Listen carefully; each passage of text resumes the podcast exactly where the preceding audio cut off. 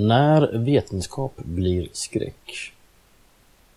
Detta föredrag spelades in på Svekon 2018 Fantastica i Stockholm. Och föreläsaren är E.P. Uggla.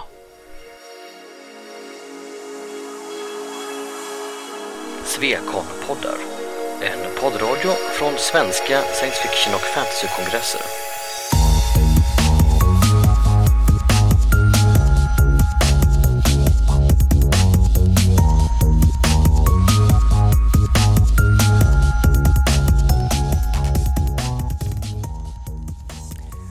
Ja, hej och välkomna. Eh, jag heter Emelie Petersen Uggla eh, och jag skriver dystopisk skräck. Eh, jag har skrivit Första hösten som kan sägas handla om en ny blomma som slår ut allting från naturen till mänskligheten. Vad jag ska tala om här idag, det är när vetenskap blir skräck. Många som tänker på skräck, de tänker på det övernaturliga. De tänker på varulvar, spöken, Genren jag kommer att prata om, sci-fi horror, har egentligen ganska lite med det övernaturliga att göra. Vi har mer att göra med science fiction. Och vad är egentligen science fiction? Det är vad namnet, den direkta översättningen ger. Det är vetenskaplig fiktion. Vi tar ett tema, de senaste vetenskapliga rönen, och drar det till en extrem.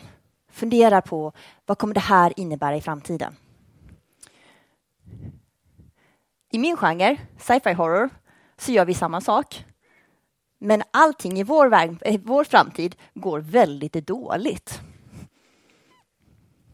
Ett exempel skulle kunna vara det här med multiresistenta bakterier. Att en bakterie börjar bli multiresistent det har de flesta hört talas om, eller att flera bakterier börjar bli multiresistenta. Det innebär att de blir resistenta mot flera olika typer av antibiotika. Nästa steg det är att bakterien blir helt resistent. Det finns ingenting som biter. Och då börjar jag som författare fundera på, aha, vad innebär det här för framtiden? Om bakterier blir helt resistenta? Ja, för det första skulle det bli livsfarligt att opereras. Idag, om du gör en nödvändig operation, säg att du åker in och gör en blindtarmsoperation, eh, för du har blindtarmsinflammation och du tar bort blindtarmen, så kan du göra det över dagen och så skickas du hem. Men om det finns resistenta bakterier så kan inte du vid en efterföljande infektion, som är ganska vanligt, bara medicinera bort den dumma bakterien i såret. Så att sannolikt så kommer man i framtiden behöva isolera människor så att de inte utsätts för bakterier efter operationer. Och det innebär att vissa operationer blir väldigt kostsamma. Du kommer behöva isolera kanske i några veckor tills du kan vara säker på att du inte kommer dö i någon efterföljande infektion. Och jag då som inte bara är skräckförfattare utan också dystopisk författare börjar tänka, jaha, kommer alla få den här särbehandlingen? Eller med tanke på hur vi behandlar våra patienter idag så tänker jag att det kommer vara en liten, exklusiv, rik klick som får den här behandlingen. Ett annat exempel är AI. Det här är Sofia hon är en conversational AI, det vill säga hon har ingen generell artificiell intelligens, men hon ska upplevas som om hon faktiskt är verklig. Hon ska kunna föra en dialog. Hon har blivit Saudiarabiens första AI-medborgare. Med AI kommer ju väldigt stora potentiella framsteg. Tänk er i framtiden, vi har alla en husa hemma som fixar allting från disk och passar barn och alla tunga lyft i industrin försvinner eh, eller inom vården och plötsligt känns det inte obehagligt heller för det är inte så opersonligt som det kanske skulle bli om man hade en robot idag utan det känns som en människa som tar hand om allt det här. Jag som är skräckförfattare, jag ser ju det här. Självklart är det så att jag inte egentligen tror att det här kommer inträffa imorgon.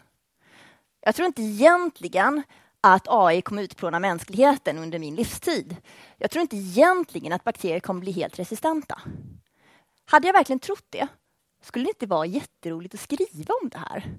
Det skulle vara ganska skrämmande att skriva om det. Jag vill ju skrämmas, men inte så att jag verkligen själv går och tror att det här är sanning jag skriver.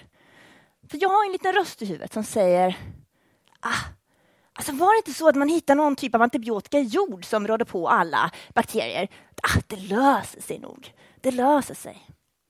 Och jag tror att de flesta har den här rösten i huvudet. På ett sätt är den jättebra. Du kan inte gå omkring och ha ångest hela tiden över allt dåligt som finns i världen. Å andra sidan är den väldigt dålig. För den leder till att du inte gör någonting åt saken.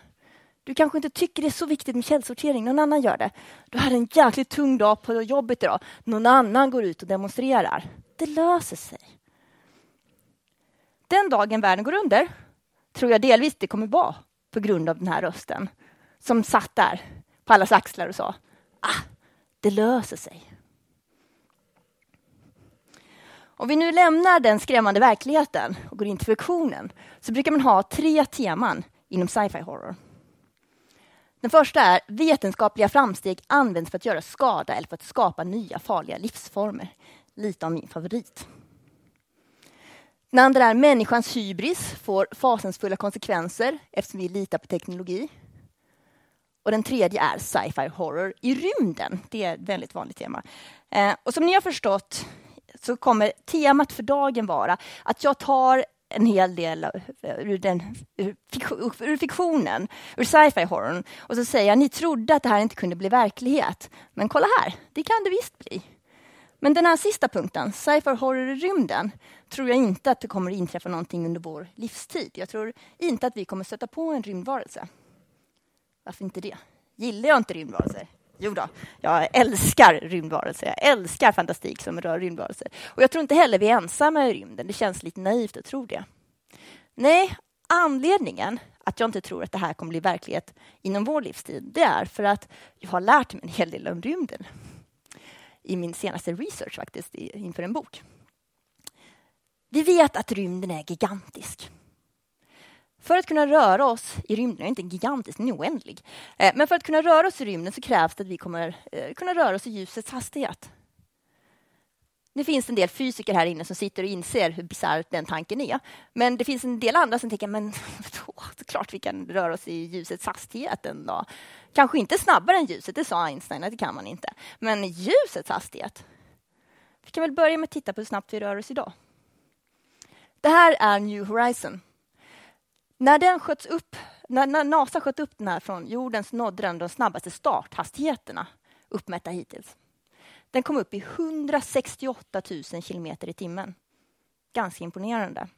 Då stod mänsklig kraft för 58 000 kilometer i timmen. Och att vi använde jordens omloppsbana för att pisksnärta oss vidare ut i rymden för de ytterligare 110 000 kilometerna i timmen. Solens dragningskraft är dock väldigt stark. Så att väldigt snart saktar New Horizon ner.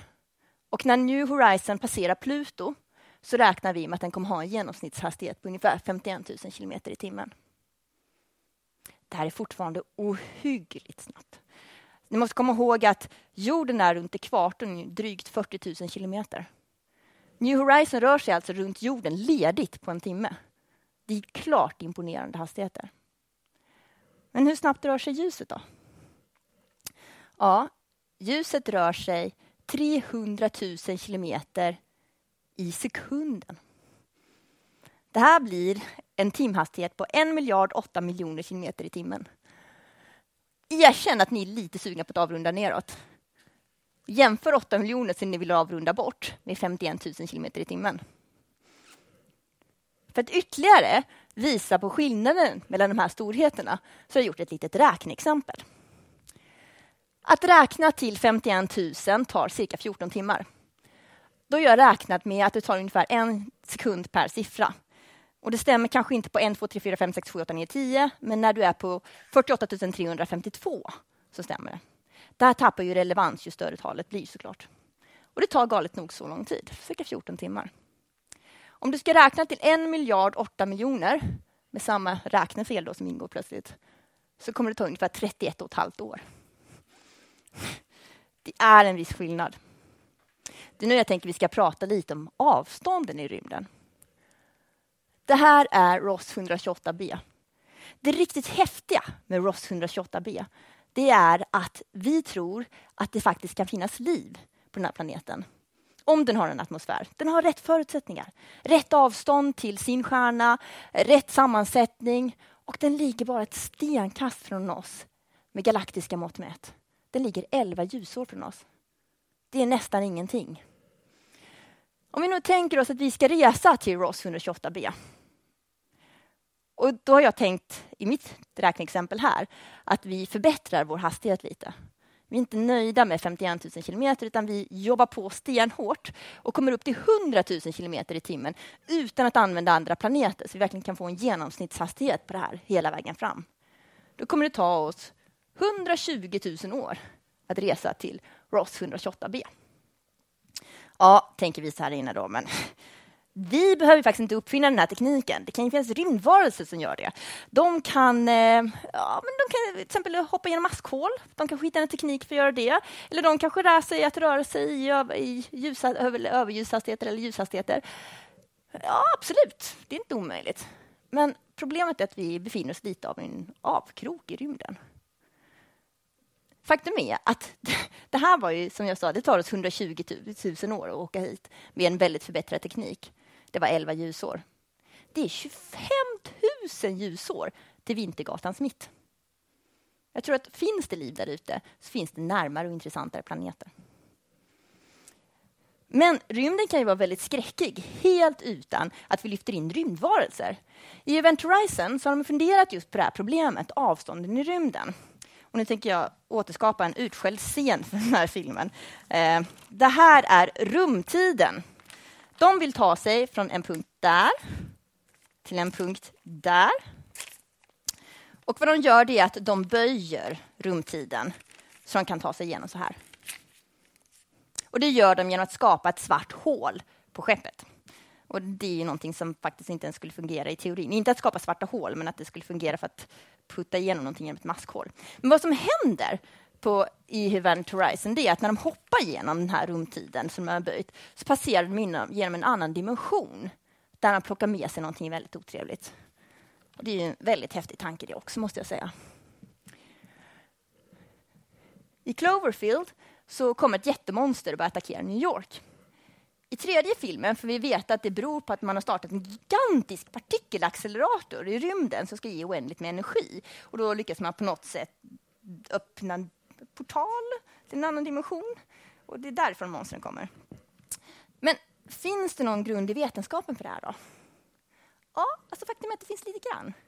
Einstein hade en teori som sa att om en riktigt kataklysmisk händelse, som två stjärnor som krockar, inträffar, så kommer det bli vågor, det kommer uppstå vågor i rumtiden. Ungefär som att du kastar en sten i en damm och det blir ringar på vattnet. Och vad som är riktigt häftigt, det är att förra årets Nobelpris gick till de forskare som lyckades bevisa den här teorin. Och det här är någonting som talar för att man kanske, kanske, kanske skulle kunna böja rumtiden och skapa ett maskhål. Sen har vi partikelacceleratorn i CERN som inte är fullt lika gigantisk. Eh, vad man skulle kunna, eh, man, vad man gör är att man skjuter eh, partiklar i ohyggligt höga hastigheter mot varandra. Eh, och man skulle potentiellt sett kunna skapa ett svart hål, men det skulle vara pytte, pytte, pytte, pytte, litet och försvinna inom loppet av några sekunder av Hawkings strålning, så det skulle inte förinta jorden. Men sammantaget kan jag säga att vi lägger för lite krut på rymden idag och våra framsteg är för små för att någonting ska inträffa under vår livstid. Så vi lämnar rymden och går in på de andra områdena. Vetenskapliga framsteg används för att göra skada eller skapa nya farliga livsformer. Här finns en uppsjö av fiktion. I Pest Seed så rymmer ett virus från ett labb och tar koll på större delen av mänskligheten.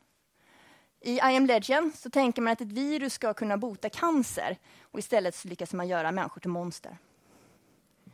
I Resident Evil, en spelserie, så är det ett ondskefullt företag som leker gud med ett virus.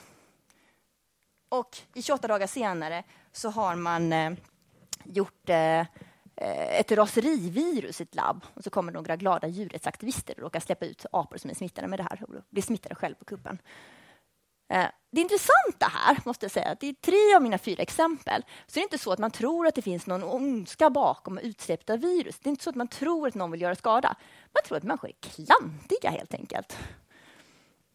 Och jag tror det ligger mycket i det. Men är det då sannolikt att vi kan skapa virus? Ja, känner ni det? Det är det väl. Men det satt en del och kände alldeles nyss om ljushastigheter också. Är det verkligen möjligt? Ja, det är det. 2002 skapade forskare polioviruset från grunden. 2011 manipulerade belgiska forskare eh, H7N9-viruset, som alltså är fågelinfluensaviruset, livsfarligt bland fåglar, så det kunde smitta gnagare. Och gnagare är det som används som substitut för människor i de här studierna. Kan det smitta en gnagare, kan det smitta människor. 2014 så lyckades en amerikansk forskare Eh, manipulera svininfluensaviruset så att det helt kunde undvika det mänskliga immunförsvaret. Och nu i Sverige pratar man oftast om hur onödig vaccinationen var och narkolepsin som följde för, en stor del, för ett antal som hade blivit vaccinerade. Men ni måste komma ihåg att det här var ett virus som WHO faktiskt uttalade var, hade blivit en pandemi. Väldigt många människor dog av det här viruset i andra länder. Och nu har man förändrat det, manipulerat det så det kan undgå det mänskliga immunförsvaret. I samband med det här förbjöd USA skapande av dödliga virus. Det hindrar inte kanadensiska forskare. De lyckades återskapa en utdöd släkting till det tillika utdöda smittkoppsviruset. Och just det de återskapade kunde inte angripa människor, ska man komma ihåg. Eh, men smittkoppor var ju väldigt otrevligt. Det dödade bland annat 60 miljoner eh, europeer under 1700-talet. Och vad som är obehagligt med det här, det var, det var inte bara det att de lyckades återskapa det, ett ganska komplext virus om du jämför med polioviruset. Det var också att man gjorde det billigt. Det kostade, det kostade ungefär 100 000 plus arbetskraft. Och det är en spottstyver i de här sammanhangen. December 2017 tog USA bort sitt förbud mot att skapa dödliga virus. Och då ska ni komma ihåg, om vi nu ska bli lite konspiratoriska, det här är den öppna forskningen. Det här är den medicinska forskningen. Det som görs, görs i medicinens namn, för vi vill väl. Det här är inte forskningen som länder ägnar sig åt, som kanske går ut på att skapa biologiska vapen, som Nordkorea gör just nu. Så hur, hur illa ligger vi till då? Är vi verkligen så klantiga att vi släpper ut virus med våra labb? Ja, den sorgliga sanningen är Ja, det är vi. Det här längst upp till vänster, det är mjältbrandsporer. 1979 i Sovjetunionen glömde man att byta ett filter. Och mjältbrandsporer flög vidare i en närliggande stad, dödade 100 personer. Ja, men kom igen, ser ni. Det var Sovjetunionen och det var jättelänge sedan. Vi är inte så klantiga nu längre, eller? Ja, faktum är att i USA så har man vid ett antal tillfällen av misstag skickat aktiva mjältbrandsporer med Fedex vanliga paketförmedling. Ungefär 70 labb i fem länder har tagit emot de här livsfarliga försändelserna. I Louisiana 2014 oj, förlåt, så lyckades man släppa ut en eh, bakterie som heter, nu får ni förlåta mig för jag uttalar sannolikt inte, det här rätt, Burkholderia pseudoameli. Det är en bakterie som har en hundraprocentig dödlighet om man inte behandlar den. Den smittade fyra apor i en utomhusbur och en medarbetare. Det låter inte så farligt, tänker ni. Men det läskiga är att man vet fortfarande inte hur den här bakterien tog sig ut. Förlåt? Ja, ja jo, det, den, den finns definitivt löst på sina ställen. Men det här var ju bakterier och det var... Eh, man kan tänka sig också att vi kan göra väldigt mycket, att vi kan återskapa liv eller kombinera livsformer vi känner till. Men kan vi verkligen skapa nya livsformer då? Någonting helt nytt som aldrig har skådats tidigare? Och faktum är att vi är på god väg. Under hela jordens existens så har alla levande varelser bestått av den här DNA-sekvensen, ATCG, alltså fyra aminosyror. Tills förra året, då forskare lyckades addera två syntetiska komponenter till DNA-koden. Forskarna sa att det här inte bara skulle kunna ge upphov till helt nya livsformer utan också ge livsformerna attribut som inte återfanns någonstans i naturen. Jag som skräckförfattare börjar genast tänka mig saker. Nu ska man komma ihåg att den här forskningen är fortfarande, den har inte nått så långt än. Det vill säga, den, kan inte, den här tekniken kan inte appliceras på mer komplexa varelser och den är i princip på ett bevisstadium. Men kom igen, det här var förra året. Ge det lite tid. Den sista punkten jag tänkte prata om idag det är människans hybris får fasansfulla konsekvenser eftersom vi litar på teknologi. Här ligger det väldigt nära till han ska tala om AI. Några exempel från fiktionen. Här har vi HAL från eh, 2001, The Space Odyssey. Här har vi Red Sonja från den första Resident Evil-filmen, som är den enda jag vill prata om. Och här har vi eh, Ash från Alien, eh, som var en android. Gemensamt för de här tre robotarna är att de vänder sig inte mot hela mänskligheten. Däremot så tycker de att uppdraget de har är viktigare än människor, vilket gör att de vänder sig mot våra hjältar i filmen, för att människorna i filmen tycker deras uppdrag är dåliga. Exempel på AI som helt och hållet vänder sig mot människor, det är till exempel Skynet i Terminator, eller maskinerna i Matrix som tycker att människor fungerar bättre som batterier än som herrar. Kan det här bli verklighet då? Har vi nått så långt inom AI? Ja, innan jag tänkte prata om AI tänkte jag faktiskt prata om vår teknikutveckling inom robotar, eller visa en liten snutt. Jag hoppas att de här filmerna fungerar. Ibland gör de det, ibland gör de det inte. Eh, det här är från en robotmässa 2003. Titta, den fungerar. Eh, robotmässa 2003.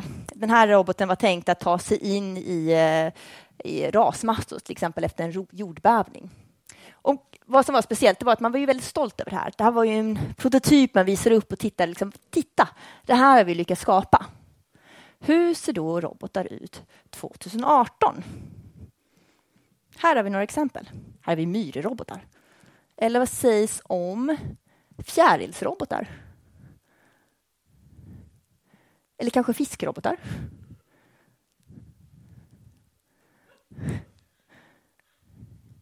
Eller hundrobotar. Den här hundliknande roboten kan springa lite snabbare än Usain Bolt. Eller den här som man kan hämta direkt från både Matrix och eh, Terminator. Man använder den vid arbete vid oljeplattformar. Det har hänt en hel del på 15 år. Har det hänt lika mycket inom AI då? Ja, faktum är det har det.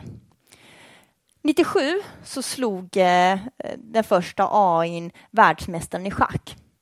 Och på sätt och vis var det inte jättekonstigt, för schack bygger till, i väldigt stor utsträckning på att du ska kunna förutse ett visst antal drag. Så länge du är en grund, stark grundspelare så kan du egentligen förprogrammera eller bara ha den som är den bästa tänkaren på att tänka i förväg, den kommer vinna.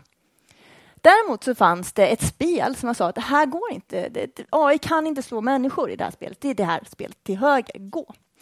Och Gå härstammar från Kina. Det bygger på att man ska fånga lediga ytor. Man kan fånga varandra stenar också.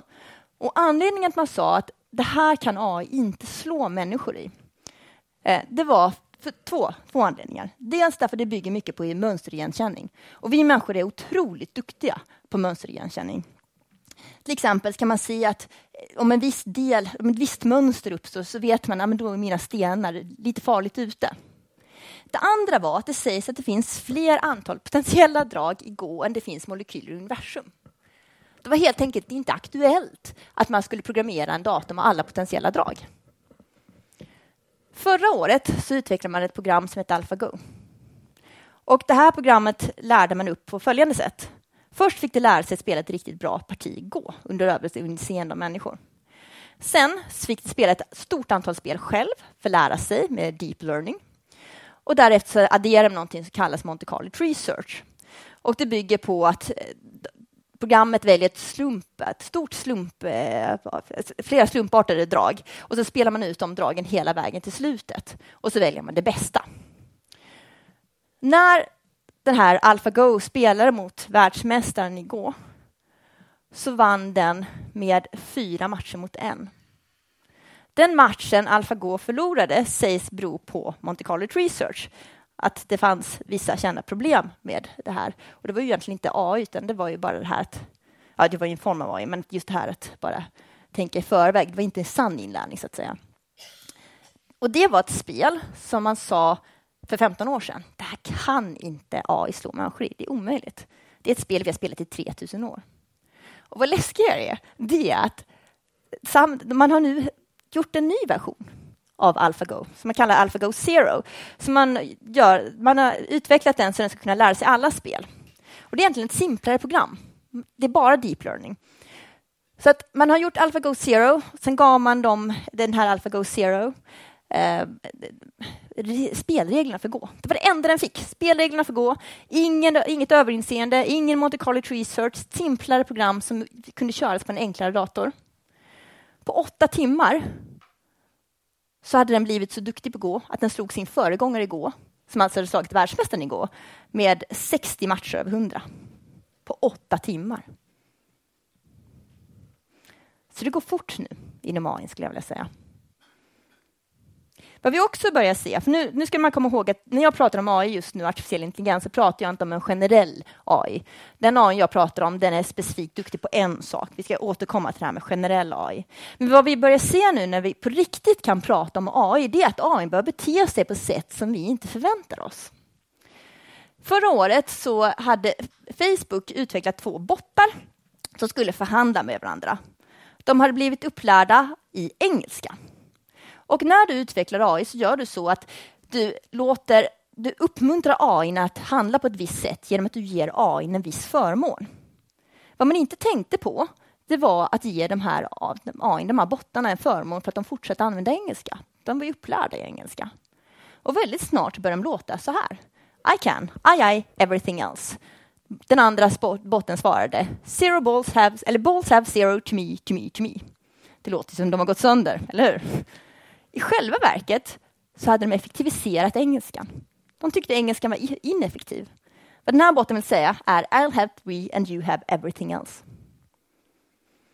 Och det här är ju ett problem när man jobbar med AI. För hur ska vi kunna kontrollera någonting om vi inte ens förstår när de kommunicerar med varandra? Häromdagen lyckades man dessutom utveckla en psykopatisk AI. Man tog ett eh, mönsterigenkännings, en, AI som skulle ägna sig åt mönsterigenkänning. Och sen lät man den hänga i en mörk hörna av Reddit. Reddit är en jättestor sajt som eh, ägnar sig åt eh, sociala medianyheter där man kan diskutera. Och så lät man den hänga där under en tid. Och sen när man plockade tillbaka den igen och lät den titta på sådana här Rossars-test Eh, det, det är sådana här bläckplumpstest. Det här ser de flesta som en fladdermus till exempel. Eh, så börjar man se att det fanns klara avvikelser i hur den tolkade de här bilderna jämfört med annan AI. Till exempel när annan AI såg fåglar som satt på en gren så såg den här AI en man som blev elektrifierad och föll mot sin död. När annan AI såg en svart och vit baseballhandske så såg den här AI en man som blev ihjälskjuten med maskingevär mitt på dagen. Och det är det här som är problemet med AI. Jag menar, när det gäller människor så pratar vi hela tiden, vad är det som spelar störst roll? Är det biologi eller är det miljö? Men något mer miljöstyrt än AI är svårt att hitta. Visst, vi kan lägga in regler som påminner om, om biologin till viss del. Men i stort sett så vill vi att den ska lära sig av miljön. Det är det som är syftet med deep learning. Så visst kommer det bli problematiskt om AI hamnar i fel händer. Den kan bli väldigt otrevlig. Och det är nu jag tänker vi ska prata lite kort om singulariteten. För det finns ju en teori som säger att om vi faktiskt lyckas skapa AI som har en generell intelligens, som är som vi människor, som kan förstå och, och lära sig om allting mer eller mindre, så kommer den här generella intelligensen bli, ja, den kommer lämna människor i dammet på väldigt kort tid intelligensmässigt. Varför? Jo, därför AIns utveckling är det exponentiell. Den kan hela tiden ägna sig åt självförbättringar. Varje generation kan bli lite bättre än den förra och så fungerar inte vi människor. Så att snart så kommer man ha en superintelligens som vi inte ens kan föreställa oss. Eh, det kanske kommer vara jämförelse med att, de, att vi ligger på intelligensnivån som motsvarar kackerlackor medan de är människorna. Och då är frågan, hur styr vi det här? Hur styr man en sån intelligens? Ja, med robotlagar säger vi då. Vi lägger in lite robotlagar. Asimo pratar ju om det. Man får inte skada människor etc. Går det verkligen? Är det så enkelt? Om vi inte tar den här jämförelsen som är så extrem som vi inte ens kan föreställa oss, kackerlackor versus människor. Tänk oss istället att det är ett barn versus en vuxen. Tänk att ett barn ska skapa en regel som en vuxen måste följa. Barnet säger du får inte göra dumma saker. Det här är solklart för barnet. För barnet vet vad de menar med dumma saker. Du får inte kriga, du får inte stjäla, du får inte slåss. Det är massa saker som automatiskt faller in under det här. Heltäckande regel. En vuxen behöver inte ens fundera på hur man ska kringgå en sån regel. Ja, kanske kan så länge jag inte gör det på korkat sätt. För då att slå någon eller starta krig, det var inte dumt, det var behövligt. Så frågan är, hur ska vi kunna kontrollera någonting när det kommer tänka på ett sätt som vi inte ens kan föreställa oss? Och det är väl det här som är problemet. Vi människor är som barn som leker Gud och vi lyckas leka Gud. Den dagen världen går under på riktigt så tror jag att vi kommer ligga bakom. För vi människor leker, vi är barn som leker Gud och lyckas. Och på grund av den där lilla rösten som säger ah, det löser sig. Det var allt jag hade här för idag. Är det någon som har några frågor? Tack. tack.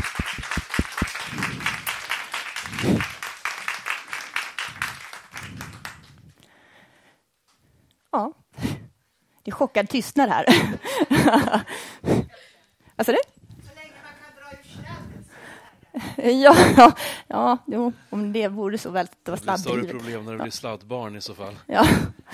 Men uh, åter till näringarna. Har du hört talas om uh, Saberhagen Berserkers?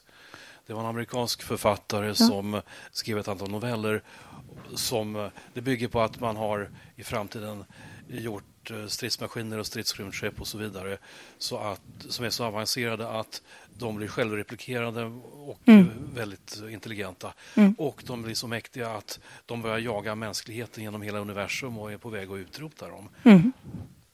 Ja, och det är ju lite det vi pratar om här. Ja, jag tyckte det verkade ja, ja, precis. Ja, vad spännande. Nej, jag har faktiskt inte läst den, men det måste jag göra, det hör jag ju. Ja, ja. Det borde finnas att få tag på någonstans. Ja. Det närmast en klassiker tror jag. Ja, Saberhagen Berserker, det ska jag läsa. Killen hette Saberhagen. Ja. ja, vad kul. Ja. Tack, tack för tipset. Nej. Ja, men alltså vi, vi var ju på G lite där med nya livsformer. Ja. Så, så, vi kanske skapar någonting nytt. Evolutionsmässigt så, så är det dags för en ny art. Det skulle bli det här datorerna. Ja, ja men absolut. Antropocen, som man säger, det är mm. för steget till detta. Mm. Mm, ja, men absolut. Det, det, verkar, en... det, verkar, så galet allting idag så det är väl rätt skönt att bli av med den här civilisationen för någonting annat. ja. Nej, då får jag väl tacka så jättemycket för mig. Ja, tack.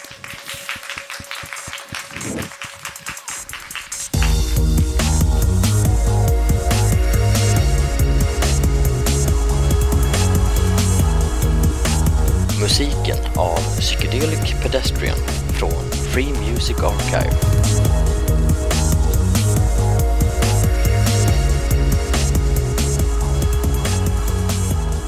Besök gärna vår hemsida på svekonpoddar.se